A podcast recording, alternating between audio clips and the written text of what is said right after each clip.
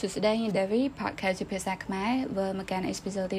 19គឺយើងនឹងនិយាយតាក់ទងជាមួយនឹងសម្ភារៈមួយទៀតគឺកញ្ចក់ជាភាសាអង់គ្លេសហៅថា glass ហើយនៅក្នុងនេះគឺយើងមានទាំងអស់4ចំណុចទី1គឺសេចក្តីផ្ដើមតាក់ទងជាមួយនឹងកញ្ចក់ហ្នឹងទី2គឺការផលិត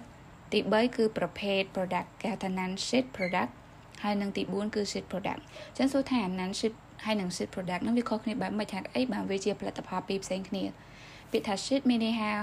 វាជាសន្លឹកឬបន្ទះអញ្ចឹង non sheet គឺវាផ្ទុយពីនឹងវាអាចជា fiber វាអាចជា block អីជាដើមយ៉ាអញ្ចឹងឲ្យកាត់ពេលយូរចូលចំណុចទី1របស់យើង introduction តើតមួយកញ្ចក់នេះអឺជាធម្មតាត្រូវបានគេស្គាល់ច្រើនថាកញ្ចក់ឲ្យតែឃើញអាគារណាវាប្រើកញ្ចក់ឬក៏ cotton wall ច្រើនហ្នឹងយើងប្រកាសជាហៅអាគារហ្នឹងថាជាអាគារសម័យទំនើបហើយយ៉ាព្រោះអីកញ្ចក់ គឺចាត់ចូលជា modern material ដែលគេប្រើច្រើននៅក្នុងសតវត្សទី21យ៉ាងហ្នឹងហើយមួយទៀតកញ្ចក់គឺជាសម្ភារៈម្យ៉ាងដែលវាអត់មាននៅអា crystalline អាសពន្ធវាអញ្ចឹងទៅវាធ្វើឲ្យកញ្ចក់ជាសម្ភារៈម្យ៉ាងដែល translucent មានន័យថាយើងអាចមើលឃើញ ពីម្ខាងទៅម្ខាងទៀតបានចាហើយកញ្ចក់នេះវិញគឺគេរកឃើញ 5000ឆ្នាំមកហើយនៅអេស៊ីបចឹងឥឡូវវាឆ្នាំ2021យើងដកតាមហ្នឹងទៅយើងដឹងថាតាំងពីប្រហែល1000ឆ្នាំមុនគ្រិស្តសករាជមកម៉េះហើយអឺដើមដើមកំណើតផលកញ្ចក់ហ្នឹងគេប្រហែលទេតែសារគេសរសេរពាក្យថា probably ចឹងវាមិនច្បាស់លាស់ទេ វាអាចជាមានដើមកំណើតនៅអាសេរីឬក៏ Phoenicia យ៉ាហើយកាលពីមុន កញ្ចក់ដែលមនុស្សយើងផលិតបានការពីមុនការពីបុរាណកាលហ្នឹងគឺអឺធៀបសំរបស់វាអត់ដូចក្នុងពេលបច្ចុប្បន្នហ្នឹងទេគឺគឺគេយកថ្មមកមកមកឈៀកឬក៏មកកាត់ជាស្លឹកស្ដាងស្ដាងទៅ ដើម្បីនៅពេលដែលយើងផលអាកញ្ចក់ទាំងអស់ហ្នឹងវាអាចនៅតែឲ្យមានពលឺចូលមកបានខ្លះយ៉ាតែការមើលវាមាន obstacle ច្រើនដែរហើយរហូតដល់ 3ពណ៌អះសំដៅ300ឆ្នាំមុនគ្រិស្តសករាជគឺគេបានរករកឃើញតាក់ទឹកថ្មីនៅក្នុងការផលិតកញ្ចក់គឺដោយការផ្លុំយើងប្រហែលជាធ្លាប់ឃើញថោកញ្ចក់ឬក៏កែវកញ្ចក់អីអីអីយ៉ាអញ្ចឹងទាំងអស់ហ្នឹងគឺគេផ្លុំទេដូចថាគេដុតវាឲ្យលាយទៅបន្ទាប់មកគេដោតវាជាមួយនឹងខ្ញុំមិនដឹងថាអាហ្នឹងស្តៀងកំពុងកំពុងដៃកំពុងអីទេកំពុងរៀងវែងបន្ទាប់មកយើងកាន់វវល់វាបដាផ្លុំវាបដាយ៉ាចាហ្នឹងគេហៅថា glass blowing គឺយ៉ាគឺនៅ Azeri ហ្នឹងបានធ្វើអាហ្នឹងហើយនៅ Roman ក៏គេបានចាប់ដើម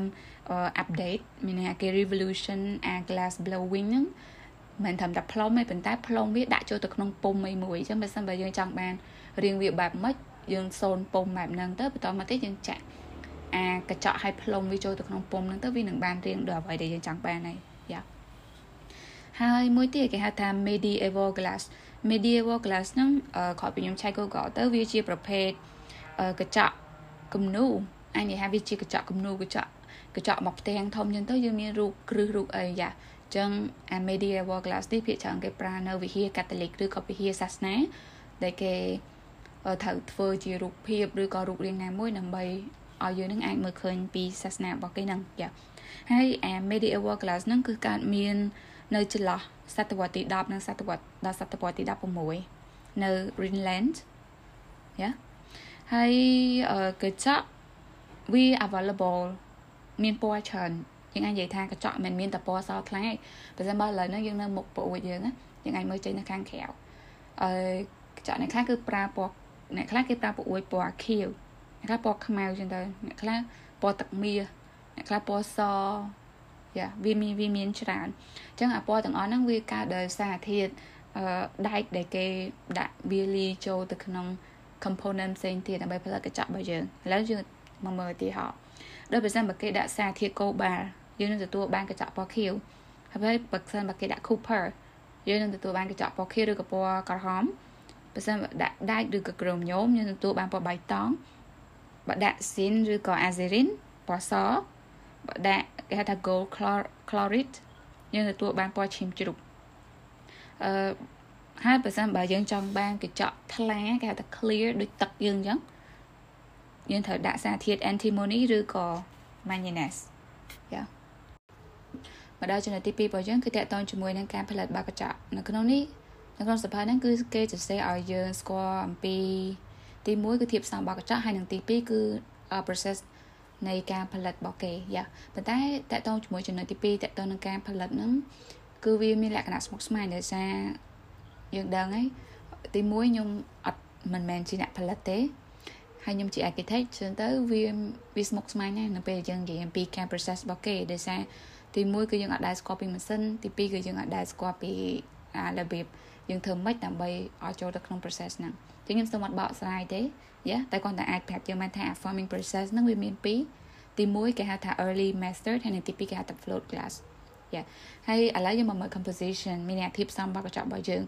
នៅក្នុងនេះគឺមាន4ប្រភេទកញ្ចក់ធំធំទី1ទៅហៅថា modern glass ឬក៏ soda lim silica glass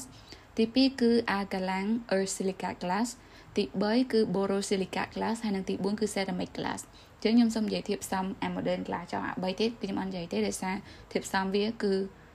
ច្រើនអញ្ចឹងអាសូអាសូដាលីមស៊ីលីកា glass ឬក៏យើងអាចហៅម្យ៉ាងទៀតថា modern glass ហ្នឹងគឺធៀបសំរបស់វា គឺមានខ្សាច់ដែលពាក្យបច្ចេកទេសគេហៅថា silicate ទី2គឺ paste soda ដែលគេហៅថា sodium carbonate ទី3គឺថ្មក្បោដែលគេហៅថា calcium carbonate ទី4គឺអំបិលគេហៅថា calcium sulfate ហើយនិងទី ធាតុផ្សំទី5ហ្នឹងគឺ dolomite ដែលវាជា magnesium limestone អញ្ចឹងធាតុ5ហ្នឹងដាក់បញ្ចូលគ្នាទៅយើងនឹងអាច produce នៅ modern glass ហ្នឹងបានហើយយ៉ាប៉ុន្តែគាត់ modern glass គឺវាមានអាមេកូនរីកមាឌវាធំអញ្ចឹងបើសិនបើយើងដាក់នៅគៀកភ្លើងឬក៏បើយើងនិយាយតាក់ទងជាមួយនឹង fire resistant គឺវា low គឺវាអត់សូវអត់សូវ resist ទេអឺ ហើយកញ្ចក់គឺវាជាប្រភេទសម្ភារៈម្យ៉ាងដែលវាប្រើប្រាស់ embody energy នៅក្នុងកម្រិតខ្ពស់បំផុត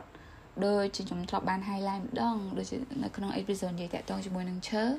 គឺយើងមាន3ក្រុមទីមួយគឺក្រុមដែលប្រើប្រាស់ embody energy អស់តិចអស់មធ្យមនិងអស់ច្រើនហើយកញ្ចក់គឺវាស្ថិតនៅក្នុងក្រុមទី3អស់ច្រើនមែនតើអញ្ចឹងយើងដឹងហើយកញ្ចក់វាមិនជា sustainable material ទេហើយណាមួយវិញទៀតកញ្ចក់គឺពិបាកនៅក្នុងការ recycle ណាស់ដោយសារអីកញ្ចក់ បើសិនបើគេយកមក recycle គេអាចយកវាមកធ្វើជាកញ្ចក់វិញទេដោយសារតែវាមានស្នាមប្រេះទទូចអស់ហ្នឹងចឹងវាអាចប៉ះពាល់ដល់ការមើលឃើញរបស់យើង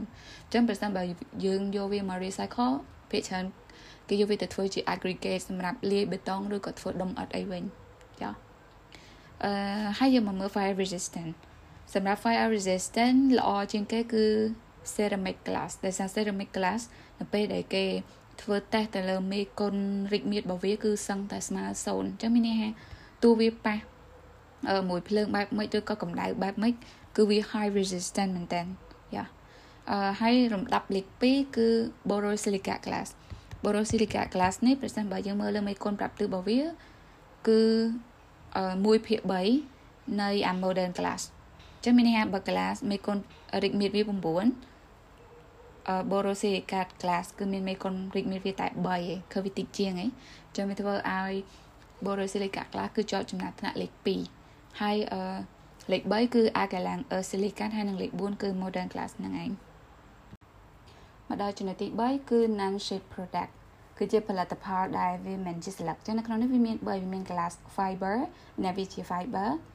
case glass ហើយនិង foam glass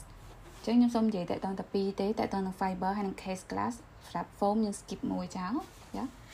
កុំឲ្យវាច្រើនពេកចឹងតទៅជាមួយនឹង glass fiber នេះគឺភាគច្រើនគេយកវាទៅធ្វើជាលក្ខណៈ glass fire reinforced material មានន័យថាគេយកវាទៅពង្រឹងផ្នែកណាមួយផ្សេងទៀតនៅក្នុងនេះគឺវាមានទាំងបេតុង polyester ហើយនិង gypsum អញ្ចឹងអា glass fiber reinforced material ហ្នឹងវាមានវាមាន3មួយគឺ glass fiber reinforced polyester អក្សរកាត់គឺ GRP Glass Fiber Reinforced Cement GRC ហើយនិង Glass Fire Reinforced Gypsum គឺ GRG ចឹងអឺយើងអាច check យើងអាច check មើល Google វាយឈ្មោះដូចខ្ញុំនិយាយហ្នឹងទៅវាលោតរូបឲ្យមើលបងចឹងយើងគ្រាន់តែឃើញរូបហ្នឹងយើងអាចយល់បានហើយនៅក្នុងនោះដែរគឺ glass wall គឺវាមានលក្ខណៈជា fiber ចឹងដែរហើយ glass wall ហ្នឹងគេចូលវាមកធ្វើជា insulation អឺមកដល់ class អឺសំទៅមកដល់ case class វិញ case glass របស់យើងនេះគឺវាចែកចេញជាពីរទៀតមួយជា block មួយជា extrude sheet ជាប្រទេស extrude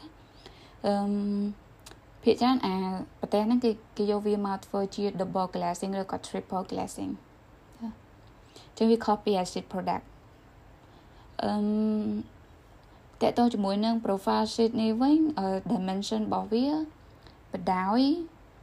ជាធម្មតាគឺ232មីលីម៉ែត្ររហូតដល់498មីលីម៉ែត្រអឺជម្រៅរបស់វាគឺមាន thickness ណាកម្រាស់គឺ41មីលីម៉ែត្រដល់60មីលីម៉ែត្រហើយបដោយរបស់វា គឺអាចមានរហូតដល់7ម៉ែត្រយ៉ាវែងមែនតើហើយអឺនៅពេលដែលយើងយកអាប្រទេសហ្នឹងទៅធ្វើជា double glassing គឺអា thermal conductivity U value គឺមាន2.8វ៉ាត់ក្នុង1ម៉ែត្រក្រេ Kelvin ហើយតកតងជាមួយនឹង sound reduction វិញក៏វា reduce បានច្រើនដែរ reduce ចាប់ពី100ទៅ3200 Hz frequency យ៉ាជាធម្មតាយើងអាចនិយាយថាវាអាចកាត់បន្ថយ40 decibel យ៉ាជាសំឡេងហើយតកតងជាមួយនឹង light transmission មានន័យថាតើពលឺអាចឆ្លងកាត់កញ្ចក់ហ្នឹងចូលមកខាងក្នុងផ្នែកខាងក្នុងលំហរបស់យើង បានចំនួនប្រមាណភាគរយក្នុងនេះគេនិយាយថាប្រហែលជា50%យ៉ាប៉ុន្តែ UV វិញគឺ0មានន័យថាវាឲ្យតែពលឺចូលទេប៉ុន្តែអាអា ultraviolet ហ្នឹងគឺអត់ឲ្យចូលទេហើយមួយទៀតយើងមកមើលអា glass block គឺដុំកញ្ចក់វិញអញ្ចឹងស្តង់ដារ block របស់គេនេះភាគច្រើនគេធ្វើជាការ៉េអញ្ចឹងការ៉េនេះអឺ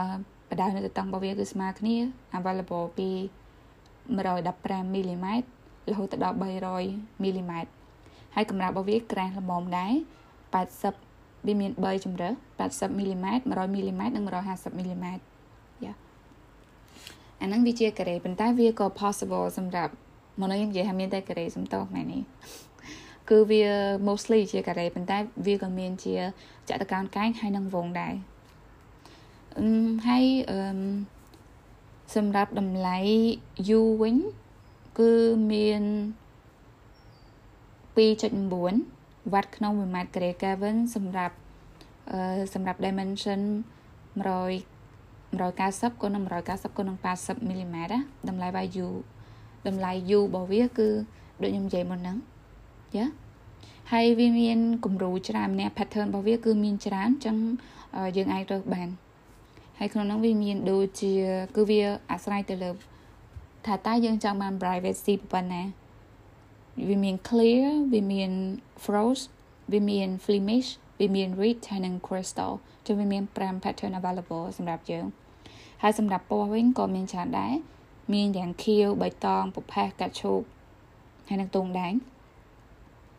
ហើយអឺបើសិនបើចែកដោយសារ glass block អាកន្លែងធម្មតាយើងប្រើមិនប្រើដូចដូចគ្នាដូចអត់ចឹងណាប៉ុន្តែដល់អាកន្លែងពិសេសពិសេសមួយចំនួនដូចអឺដូចនៅកន្លែងកាច់ជ្រុងឬក៏កន្លែងគេថាកន្លែងបិទគូតអីចឹងណាវាសេះអីចឹងក៏គេមានជាលក្ខណៈគេហៅថា special block ដែរយ៉ាហើយតកតងជាមួយនឹង fire stop block មានន័យថាកញ្ចក់ភាគច្រើនគឺវាអាច resist ជាមួយនឹងភ្លើងបានទេប៉ុន្តែវាមានករណីលើកឡើងដែរដូចដូចខ្ញុំនិយាយចឹងគឺ fire stop block ហ្នឹងគឺគេ តំណាងដល់អក្សរ TF30 ដោយសារអីកម្រាស់របស់វាគឺ26មីលីម៉ែត្រក្រាស់ជាងកញ្ចក់ធម្មតាដែលធម្មតា8មីលីម៉ែត្រហើយតកតងជាមួយនឹងការកាត់បន្ថយសំឡេងវិញ គឺចាប់ពី100អែតទៅដល់3150អែត frequency ហើយបើគិតជា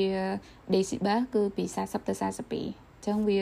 ល្អជាងអា double glassing យ៉ាលើជាងតិចតួចលើ2 ហើយតកតងជាមួយនឹង online transmission វិញគឺពី80ទៅ60%យ៉ាគឺលើសអាមុនដែរគឺលើសអឺអា sheet អា profile sheet ជា select មកដល់ចំណុចទី4គឺ sheet product នៅក្នុងនេះគឺមានគឺគេរៀបរាប់ product ខ្ទង់10 20 product យ៉ាច្រើនមែនតើហើយយើងនឹងព្យាយាមអញ្ចឹងមកចូលអឺមួយបើទី1របស់យើងគឺ standard float glass float នេះគឺដែរតែមិនមានន័យថាកញ្ចក់ហ្នឹងគឺដាក់នៅលើទឹកទៅវាដាក់នៅលើទឹកទេ no គាត់ថា process របស់វាគឺវា float បែបមិននោះមានន័យថា process របស់វាគឺខុសពីផ្សេងទៅគេឲ្យឈ្មោះវាបែបហ្នឹងហើយជាធម្មតាអា product ផ្សេងផ្សេងបន្តបន្តមកទៀតហ្នឹងគឺគេយក float glass ហ្នឹងយកទៅកែច្នៃឬក៏ធ្វើឲ្យបន្ថែមទៀតយ៉ាអអឺ flow glass នេះតើតើមួយ dimension របស់វាកម្រាស់របស់វាគឺមាន available ច្រើនពី3 mm រហូតដល់25 mm យ៉ា ហើយប្រទេសវាគេអាច produce ធំបំផុតបដានៅទៅតឹងណាអឺបដោយរបស់វាគឺ18ម៉ែត្រហើយនៅទៅតឹងរបស់វាគឺ3ម៉ែត្រ3យ៉ាវែងមែនតើប៉ុន្តែផលិតផលជាក់ស្ដែងគឺអត់ដល់ប៉ុណ្ណឹងទេដោយសារគេត្រូវ consider ទៅលើការដឹកជញ្ជូនថាវា comfortable ឬក៏អត់អញ្ចឹងអឺសម្រាប់ប្រទេសដែលធំបំផុតហ្នឹងគឺបដារបស់វាគឺធំតាម9ម៉ែត្រទេហើយទៅតឹងរបស់វាគឺ3ម៉ែត្រ2យ៉ា ហើយតើតើជាមួយនឹងតម្លៃអឺតម្លៃ U វិញសម្រាប់កញ្ចក់ដែលកញ្ចក់កញ្ចក់ float ហ្នឹងកម្រាស់6មីលីម៉ែត្រគឺ U value មាន5.7 watt ក្នុង1ម៉ែត្រក្រេ Kelvin ចាអឺមកដល់មួយទៀតគឺគេហៅថា traditional blind and round glass និយាយទៅវាស្តៀងនឹង a glass blowing គឺវាផ្លុំយ៉ាគឺត្រូវប្រើការផ្លុំហើយកញ្ចក់បែបហ្នឹងគឺភាគច្រើនវាមានទាំងថ្លាហើយនិងពណ៌ផ្សេងផ្សេងច្រើន ហើយកម្រាស់របស់វាគឺស្ដើងមែនតើគឺមានធំពី3ទៅ5មីលីម៉ែត្រទេយ៉ាហើយកញ្ចក់ដែលយើងផ្លុំហ្នឹងភាគច្រើនតកតងមួយកម្រាស់របស់វាវារៀងពិបាកនៅនៅក្នុងការកំណត់បន្តិចដោយសារពេលខ្លះយើងផ្លុំទៅវាធ្វើឲ្យអាកម្រាស់របស់វាហ្នឹងវាអត់ស្មើគ្នាហើយវាតែងតែមានភាពប្រែប្រួលច្រើនជាងអាកញ្ចក់ផលិតផលផ្សេងហើយមួយទៀតគឺ cold sheet glass cold sheet glass នេះគឺជាប្រភេទកញ្ចក់កោងអញ្ចឹងកញ្ចក់កោងហ្នឹងគេយកអា anel glass យកមកអឺ anel glass ហ្នឹងគឺជាប្រភេទកញ្ចក់ដែលមានន័យថាគេដុតឲ្យក្តៅហើយបន្ទាប់មកគេទុកឲ្យវាត្រជាក់ប៉ុន្តែត្រជាក់សឹមសឹមមានន័យថាត្រជាក់តិចម្ដងតិចម្ដង slow ចឹងកញ្ចក់ហ្នឹងគេដុតរហូតដល់ប្រហែលជាខ្ទង់600អង្សាសេទៅបន្ទាប់មកទុកឲ្យវាទន់យ៉ាហើយមកគេចាក់វាចូលទៅក្នុងពុំដែលមានរាងកោងហ្នឹងយ៉ា ហើយជាធម្មតាគឺគេធ្វើ3គុណនឹង4ម៉ែត្រឬក៏ពេលខ្លះគឺ2គុណនឹង5ម៉ែត្រហើយសម្រាប់អឺកោងហ្នឹងវាអាចកោងក្នុងមួយទិសក៏បានអឺពីរទិសក៏បានដែរហើយកម្រាស់របស់វាគឺពី4ទៅ19មីលីម៉ែត្រហើយសម្រាប់អឺកញ្ចក់ curve ហ្នឹងវិញគឺយើងអាច process តាម3របៀបទី1គឺ sandblasted ទី2គឺ torsion ហើយនិងទី3គឺ laminate អញ្ចឹងពាក្យថា sandblasted ហ្នឹងគឺលក្ខណៈកញ្ចក់ហ្នឹងវានៅរាងក្តៅនៅរាងទន់ទន់ហើយគេយកអឺគេហៅថា spray sand ខ្ញុំមិនដឹងថាវាជាលក្ខណៈ spray ដែលមានក្របខ្សាច់តិចតួចតមកគេបាញ់នៅលើ surface របស់វាដើម្បីឲ្យ surface របស់វាហ្នឹងឃើញរបៀបដូចកកិតកកិតកកិតទៅទៅទៅទៅទៅវាធ្វើវាធ្វើឲ្យកញ្ចក់ហ្នឹងមើលទៅអត់សូវឃើញច្បាស់ទេឃើញរាងសសក្បោះក្បោះណាយ៉ា សម្រាប់ torsion វិញគឺជាប្រភេទកញ្ចក់ដែលដិតឲ្យក្តៅហើយបន្ទាប់មកអាចថាយកវាជួយលក់ចូលក្នុងទឹកឬក៏ធ្វើមិនឲ្យវាត្រជាក់ឲ្យលឿនគេហៅថា cool rapidly ត្រជាក់លឿនអញ្ចឹងអា torsion glass ភាគច្រើនគឺវាអឺ resist ជាមួយភ្លើងមកល្អហើយ strength កម្លាំងផលកញ្ចក់ហ្នឹងក៏ក៏ល្អដែរយ៉ាដោយសារជាធម្មតាកញ្ចក់តែវាត្រូវក្តៅតែត្រូវទឹកដឹងប្រេះហើយតែបើវាអត់ប្រេះទេយ៉ាអញ្ចឹងវាជាប្រភេទកញ្ចក់ល្អ ហើយនឹង laminate វិញគឺជាគឺវាបិទមានអ្នកបិទច្រើនប្រទេសចូលគ្នាអញ្ចឹងគេហៅវា laminate ដែរមកយកមកមើលមួយប្រភេទទៀតគេហៅថា cell cleaning glass អឺសម្រាប់ cell cleaning glass នេះវាជាប្រភេទកញ្ចក់ដែលវាអាចសម្អាតផ្ទៃរបស់វាផ្ទៃ surface របស់វាបានដោយខ្លួនឯងដោយសារអីដោយសារនៅលើ surface របស់វាហ្នឹងគេបាន coat ជាមួយនឹងថ្នាំម្យ៉ាងដែលវាមើលអត់ឃើញទេហើយស្ដាំមែនតើគឺតែ15មីក្រូមីក្រូម៉ែត្រទេ 15មីក្រូម៉ែត្រគឺទូចណាគឺយើងត្រូវយក15ហ្នឹងទៅចែកនឹង1000ហ្នឹងទៅបានមីលីម៉ែត្រទូចមែនតើហើយក៏ស្ដាងមែនតើអឺហើយ surface របស់វាហ្នឹងមានផ្ទុកនៅគេហៅថានៅសារធាតុទីតាញ៉ូមឌីអុកសាយសារធាតុហ្នឹងគឺវាអាចជួយស្រូបទុកនៅអាពន្លឺ UV ផលប្រតិតយ៉ាហើយនឹងពេលដែលវាមានវត្តមាន អុកស៊ីហ្សែននៅក្នុងខ្យល់គឺវាអាច break down នៅអាលំអងទូលាយផ្សេងៗវាមានជាប់នៅលើ surface ហ្នឹងហើយមួយទៀតកញ្ចក់កញ្ចក់ផោះ cell cleaning ហ្នឹងវាមានលក្ខណៈជា hydrophilic មានន័យថានៅពេលដែលមានទឹកភ្លៀងមកគឺវាអាចបើថាទឹកយើងឧទាហរណ៍មិនទឹកភ្លៀងសូម្បីតែយើងចេះទឹកយកចេះទឹកទៅលើម្ដុំអញ្ចឹងវានឹងបាចស្អាតទៅកន្លែងផ្សេងផ្សេងទៀតមានន័យថាវានឹងធ្វើឲ្យកញ្ចក់ហ្នឹងស្អាតផ្ទៃតែមួយហ្នឹង គឺស្អាតទាំងអស់មិនម្ដុំស្អាតម្ដុំអត់ស្អាតទេយ៉ាហើយមួយប្រភេទទៀតគឺគេហៅថា clear white glass គឺជាកញ្ចក់សថ្លាកញ្ចក់សថ្លានេះតាមពិតទៅវាជាប្រភេទ float glass នឹងឯងប៉ុន្តែជាធម្មតា float glass គឺវាមានផ្ទុកដោយសារធាតុផ្សំរបស់វាគឺមានពីខ្សាច់ទាំងខ្សាច់វាមានផ្ទុកនៅសារធាតុ iron oxide ដែលមិនបរិសុទ្ធទៅធ្វើឲ្យ float glass របស់យើងភាគច្រើនមានពណ៌រាង បៃតងតែរបៀបបៃតងខ្ចីទេយ៉ា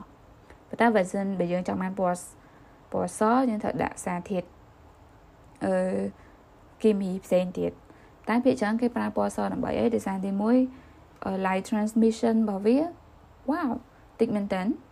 គឺប្រហែល2%តិចមែន light transmission 2%ទេប៉ុន្តែវានៅតែច្រើនជាង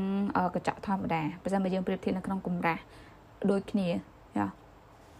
មួយទៀតគឺ pattern glass pattern glass នេះអឺវាមាន pattern ច្រើនមានន័យថា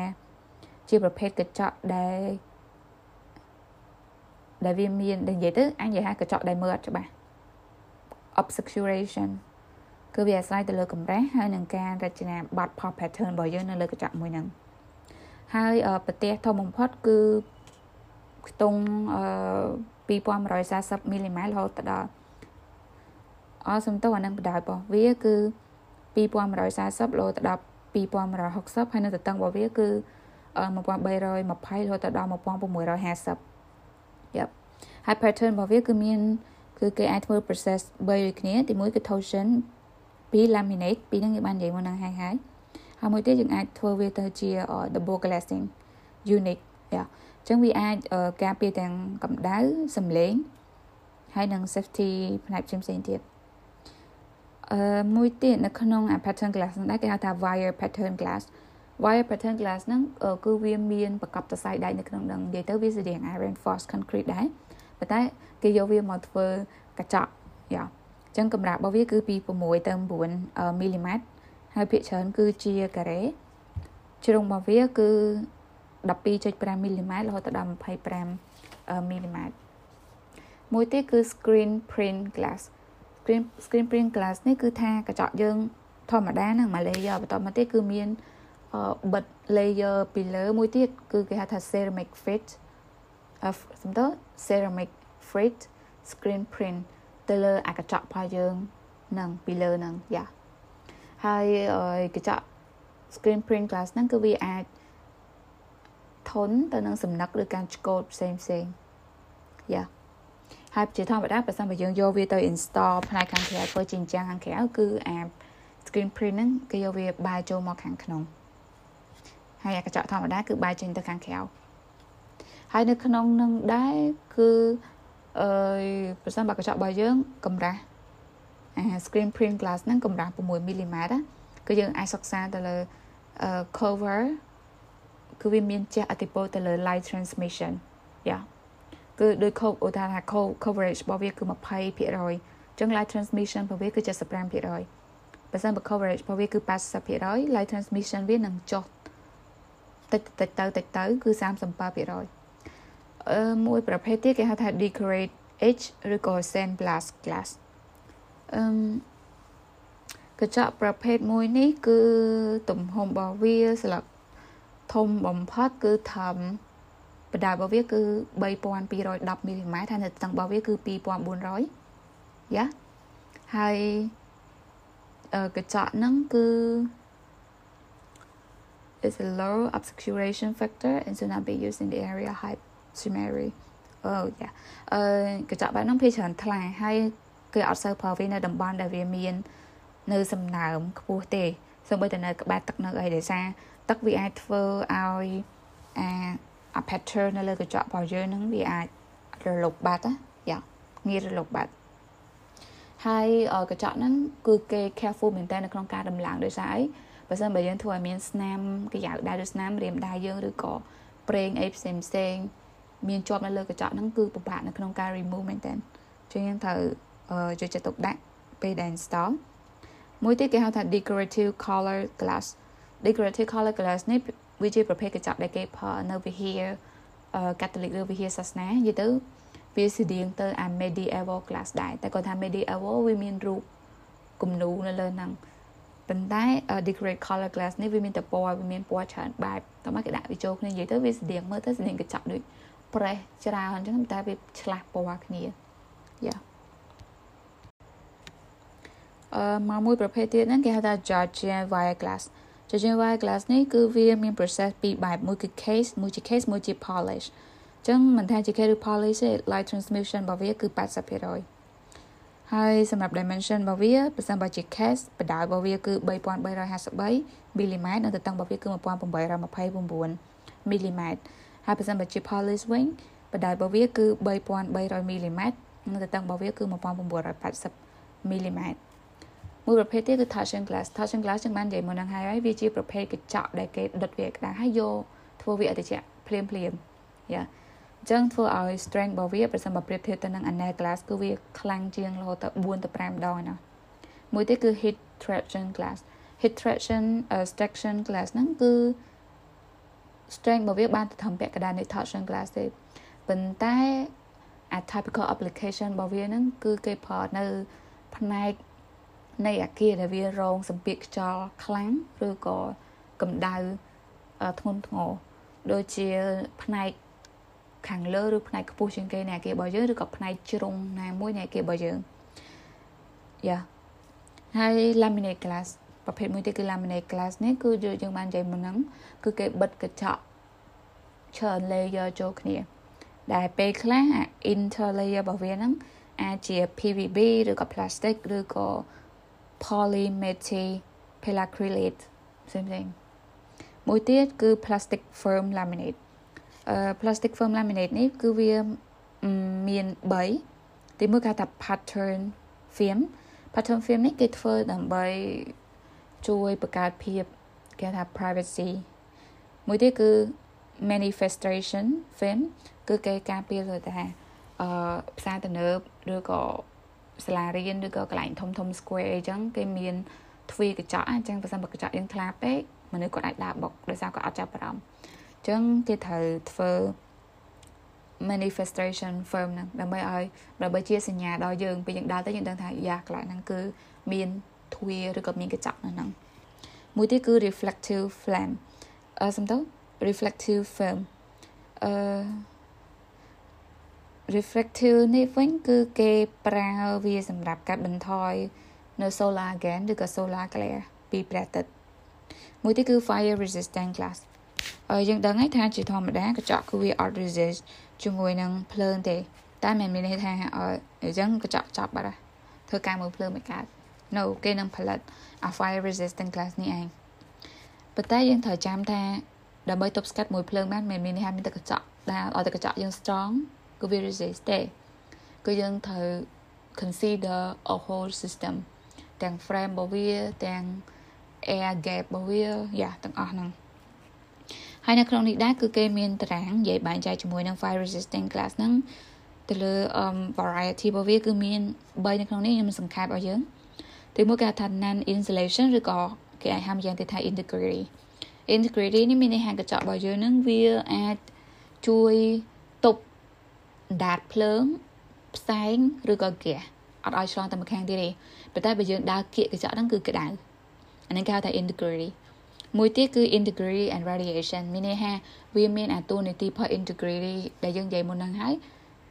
ហើយអ្វីដែលលើសពីហ្នឹងគឺពេលយើងដើរចិត្តហ្នឹងគឺអត់ក្តៅទេយ៉ាប៉ុន្តែវានៅតែមានចម្លងចូលខ្លះខ្លះហើយនឹងមួយទៀតជាប្រភេទចុងក្រោយគេហៅថា integrity and insulation មានន័យថាវាមានអាតួនាទី integrity នឹងហើយវាមានបូកបន្ថែមនៅ insulation ទៀតដូចជាពេលខ្លះគេអាច coat ជាមួយនឹង intumation ឬក៏ gel យ៉ាចឹងទៅវាអាចជួយអឺទប់ទាំងអា conductivity មានន័យថា fire conduction thermal conduction ចម្លងនឹងបានល្អលើសអាទី2ទៀតអឺហើយក្នុងនោះក៏គេបាននិយាយតទៅជាមួយនឹង energy conservation ដែរប្រភេទកញ្ចក់ដែលវាអាចជួយ រក្សាធម្មពលនៅក្នុងគេរបស់យើង hearing cooling system អីផ្សេងៗហ្នឹងអញ្ចឹងវាជារឿងមួយវែងឆ្ងាយថែមទៀតអញ្ចឹងខ្ញុំអត់និយាយទេ នៅក្នុង episode មួយនេះ maybe យើងនឹងនិយាយក្នុង episode ណាផ្សេងទៀតយ៉ាដោយសារ energy conservation ហ្នឹងគឺគេនិយាយតាក់ទងជាមួយនឹង double glazing ឬក៏ triple glazing low emiss uh, emissivity glass ហើយនិង double glazing unit ជាដើមមួយទៀតគឺ solar control glass solar control glass នេះគឺវាមានន័យថា glass របស់យើងគឺដើរតួនាទីបានពីរទី1គឺវាស្រូបនៅកម្ដៅទុកហើយមួយទៀតគឺវាអាចនឹង reflect ណាអត់ឲ្យកម្ដៅហ្នឹងចូលមកបានទេវាត្រូវតែចាំងផ្លាត់ចេញទៅវិញអញ្ចឹងដូចយើងនិយាយពី solar panel គឺវាមានពីរដូចគ្នា passive ហើយនិង active បើសិនបើ passive មានន័យថា solar system របស់យើងហ្នឹងគឺផល material ដើម្បីចាប់កម្ដៅដូចយើងដូចដូចកញ្ចក់នេះអញ្ចឹង heat absorption ណាបើសិនបើវាជា active វាត្រូវប្រើប្រទេស solar ដើម្បីស្រូបទុកដើម្បី trend មានបំបំលែង trans transform ហើយបន្តមកបើបញ្ជូនទៀតយ៉ាគឺវាខុសគ្នាថងហ្នឹងតែសម្រាប់ solar control glass របស់យើងនេះគឺវាមាន available ពណ៌ច្រើនហើយយើងអាចរើសតាមពណ៌បានហើយពណ៌ទាំងអស់អត់ដូចគ្នាណាគឺ light transmission light reflect heat transmission ហើយ U value របស់វាគឺខុសគ្នាទាំងអស់សម្រាប់ពណ៌ទាំងអស់ហ្នឹងហើយខ្ញុំនឹងលើកឧទាហរណ៍មួយអឺដូចពណ៌ថ្លាគេ clear clear glass វិញ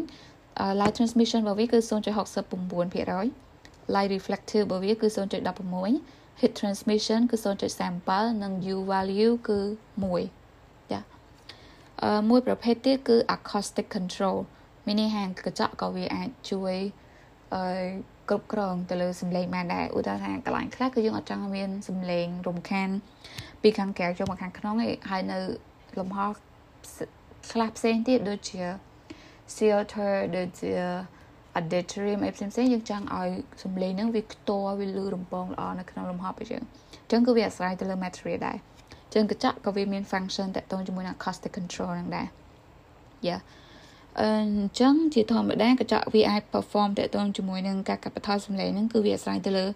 2 factor ទី1គឺ mass របស់កញ្ចក់របស់យើងទី2គឺ air leakage មានន័យថាអា frame ហ្នឹងវាមាន air leakage អត់ហ្នឹងវាអាហ្នឹងវាក៏ជារឿងមួយដែលប៉ះពាល់ដែរអញ្ចឹងគឺគឺអញ្ចឹងបើសិនបើ air gap របស់យើងវាមាន gap 1% អញ្ចឹង sound គេថា efficiency of sound ហ្នឹងគឺវា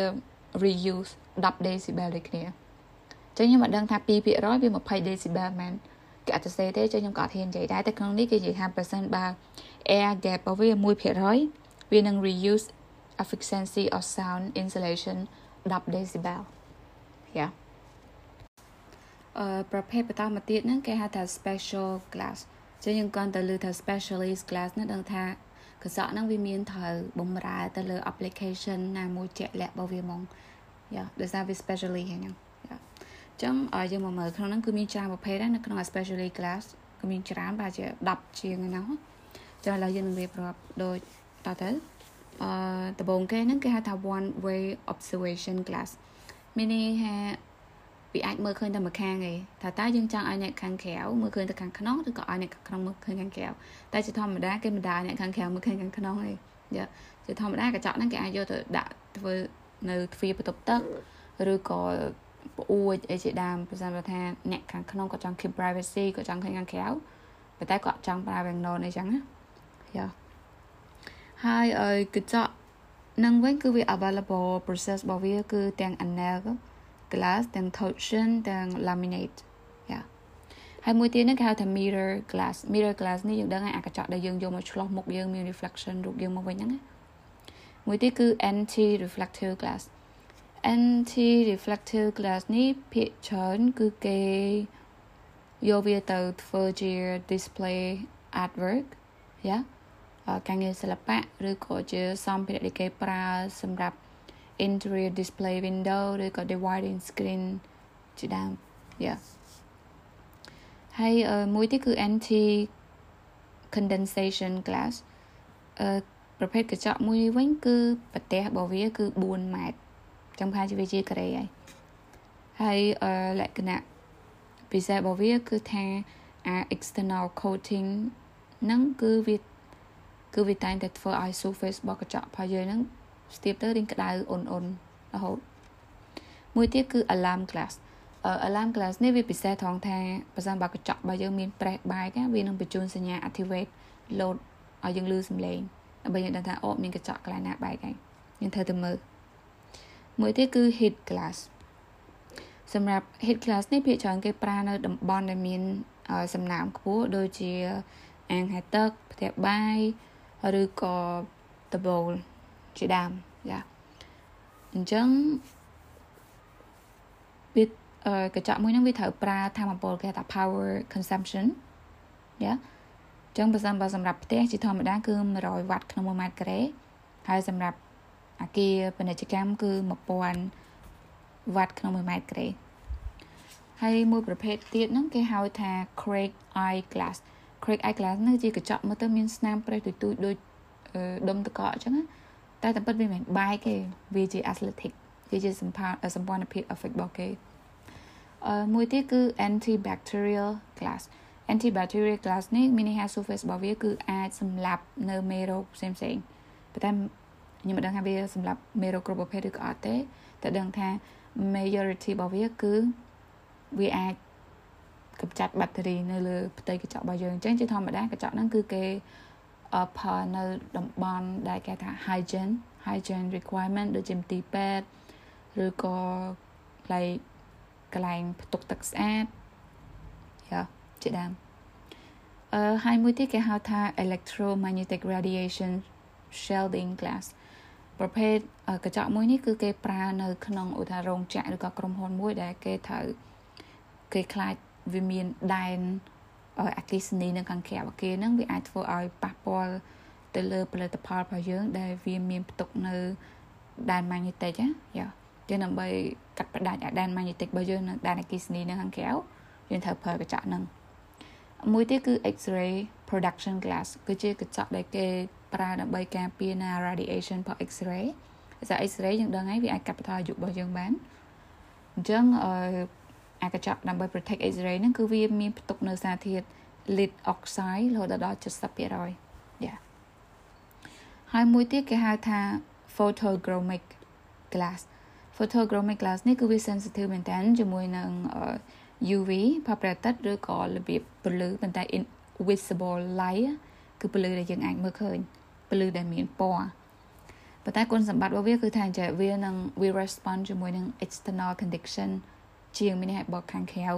វាមានលក្ខខណ្ឌឲ្យគេដែលធ្វើឲ្យកញ្ចក់នឹងប្រែប្រួលវានឹងប្រែប្រួលដែលវាអត់បាន consider ទៅលើ space នៅក្នុងយើងថាម៉េចទេយ៉ាអញ្ចឹងអានឹងវាជា disadvantages របស់វាមួយទៀតគឺ thermochromic glass thermochromic glass នេះគឺវានឹងផ្លាស់ប្ដូរគឺវានឹងផ្លាស់ប្ដូរនៅពេលដែលវាមានបំលាស់ប្ដូរសីតុណ្ហភាពឬក៏កម្ដៅ temperature ឬក៏ thermal វានឹងប្ដូរហើយ disadvantages របស់វាគឺដោយអាអា material យើងនិយាយខាងលើគឺតកតងជាមួយនឹង photochromic glass ណាគឺដូចគ្នាបើសិនបើ condition ខាងក្រៅប្រែប្រួលវានឹងប្រែប្រួលវាអត់ដឹងថាខាងក្នុងមិនទេមួយទៀតគឺ electrochromic glass electrochromic glass នេះគឺវានឹង respond ទៅលើ electrical switching យ៉ាអញ្ចឹងភាគច្រើនគេប្រើវានៅលើប្អួយនៅលើអីអញ្ចឹងមានន័យថាវានឹង switch ឬក៏វា switch គឺអាស្រ័យទៅលើ អកេសនីអឺហើយមួយទៀតគឺ intelligent glass គឺជាកញ្ចក់ឆ្លាតវៃកញ្ចក់ឆ្លាតវៃនេះគឺលយមែនតើគឺយើងអាចយកវាទៅធ្វើជា facade គឺថាអា physical property របស់វា គឺនឹង respond ទៅលើពន្លឺខាងក្រៅឬក៏លក្ខខណ្ឌអាកាសធាតុនៅជុំវិញអគាររបស់យើងអញ្ចឹងវានឹងសម្របខ្លួនបានហើយវានឹងជួយការពារយើងពីអាលក្ខខណ្ឌទាំងអស់ហ្នឹង មានន័យថាទូខាងក្រៅក្តៅល្ងាមិនក្តៅយើងនៅខាងក្នុងគឺ26អង្សាវានៅតែ26អង្សាអញ្ចឹងណាហើយគុណសម្បត្តិវាមួយទៀតហ្នឹងគឺវាអាចកាត់បន្ថយការប្រើប្រាស់ធម្មពលនៅក្នុងអគាររបស់យើងយ៉ាដោយសារយើង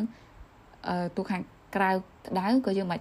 បើកម៉ាស៊ីនត្រជាក់ដែរវាអាចធ្វើឲ្យត្រជាក់អូតូឬក៏មិនយ៉ាគឺវាអាចកាត់បន្ថយបានហើយមួយទៀតក៏វាតកតងជាមួយនឹង ecological significance ក៏ល្អដែរដោយសារប្រភេទ intelligent glass ហ្នឹងគឺគេ produce វាមកដើម្បីឲ្យវាជួយកាត់បន្ថយនៅអា carbon dioxide ឬក៏កាត់បន្ថយអា global warming យ៉ាហហើយមួយទៀតគឺវាជួយដល់អតិថិជនរបស់យើងមានន័យថាយើងចំណាយលុយពេលហ្នឹងច្រើនមែនប៉ុន្តែពេលអនាគតរបស់យើងថ្លៃទឹកអត់សំទោសថ្លៃទឹកថ្លៃភ្លើងរបស់យើងវានឹងកាត់បន្ថយជារៀងរាល់ខែអញ្ចឹងមានន័យថាផលចំណេញជារៀងរាល់ខែតិចតិចរបស់យើងហ្នឹងបើគិតទីច្រើនឆ្នាំទៅ គឺវានឹងគឺវានឹង pay off ហើយទៅលើអាតម្លៃដែលយើង install ក្នុងពេលដំបូងហ្នឹងអឺអញ្ចឹងយើងមកដល់ចុងក្រោយនៃ episode របស់យើងអីយ៉ាតួយើងដឹងថាកញ្ចក់វាជាប្រភេទ material ដែលប្រើប្រាស់នៅ embody energy អស់ច្រើនមិនក៏ដោយហើយយើងតួយើងដឹងថាវាជាមិនជា sustainable material ក៏ដោយប៉ុន្តែយើងនៅតែផលដោយសារអី លំហវាលំហមួយវាអត់អាចជា close អឺ space បានទេវាត្រូវតែមានកន្លែង open ដោយសារមនុស្សធ្វើការ view in view out ធ្វើការមានតំណែងធ្វើការទទួលព័ត៌មានដោយសារយើងកើតមកមានភ្នែកមានស្បែកវាត្រូវការពលឺព្រះអាទិត្យដើម្បីមកសំយោគវីតាមីន D អីផ្សេងៗជាងត្រូវតែនៅតែត្រូវការប្រើកញ្ចក់អញ្ចឹងអ្វីដែលយើងអាចកែប្រែបាន គឺមានតែវិទ្យាសាស្ត្រទេដែលធ្វើឲ្យគាត់អាចផលិតកញ្ចក់ដែលវា នឹងคล้ายទៅជា zero carbon material ដោយឥឡូវយើងមាន intelligent glass ហើយអញ្ចឹងអនាគតយើងនឹងមាន better ជាងនឹងទៀតយ៉ាអឺអញ្ចឹងនៅ episode បន្ទាប់ទៀតយើងនឹងនិយាយតាក់ទងជាមួយនឹង RAM Earth អញ្ចឹង complete តាមដានស្ដាប់ទាំងអស់គ្នា Bye bye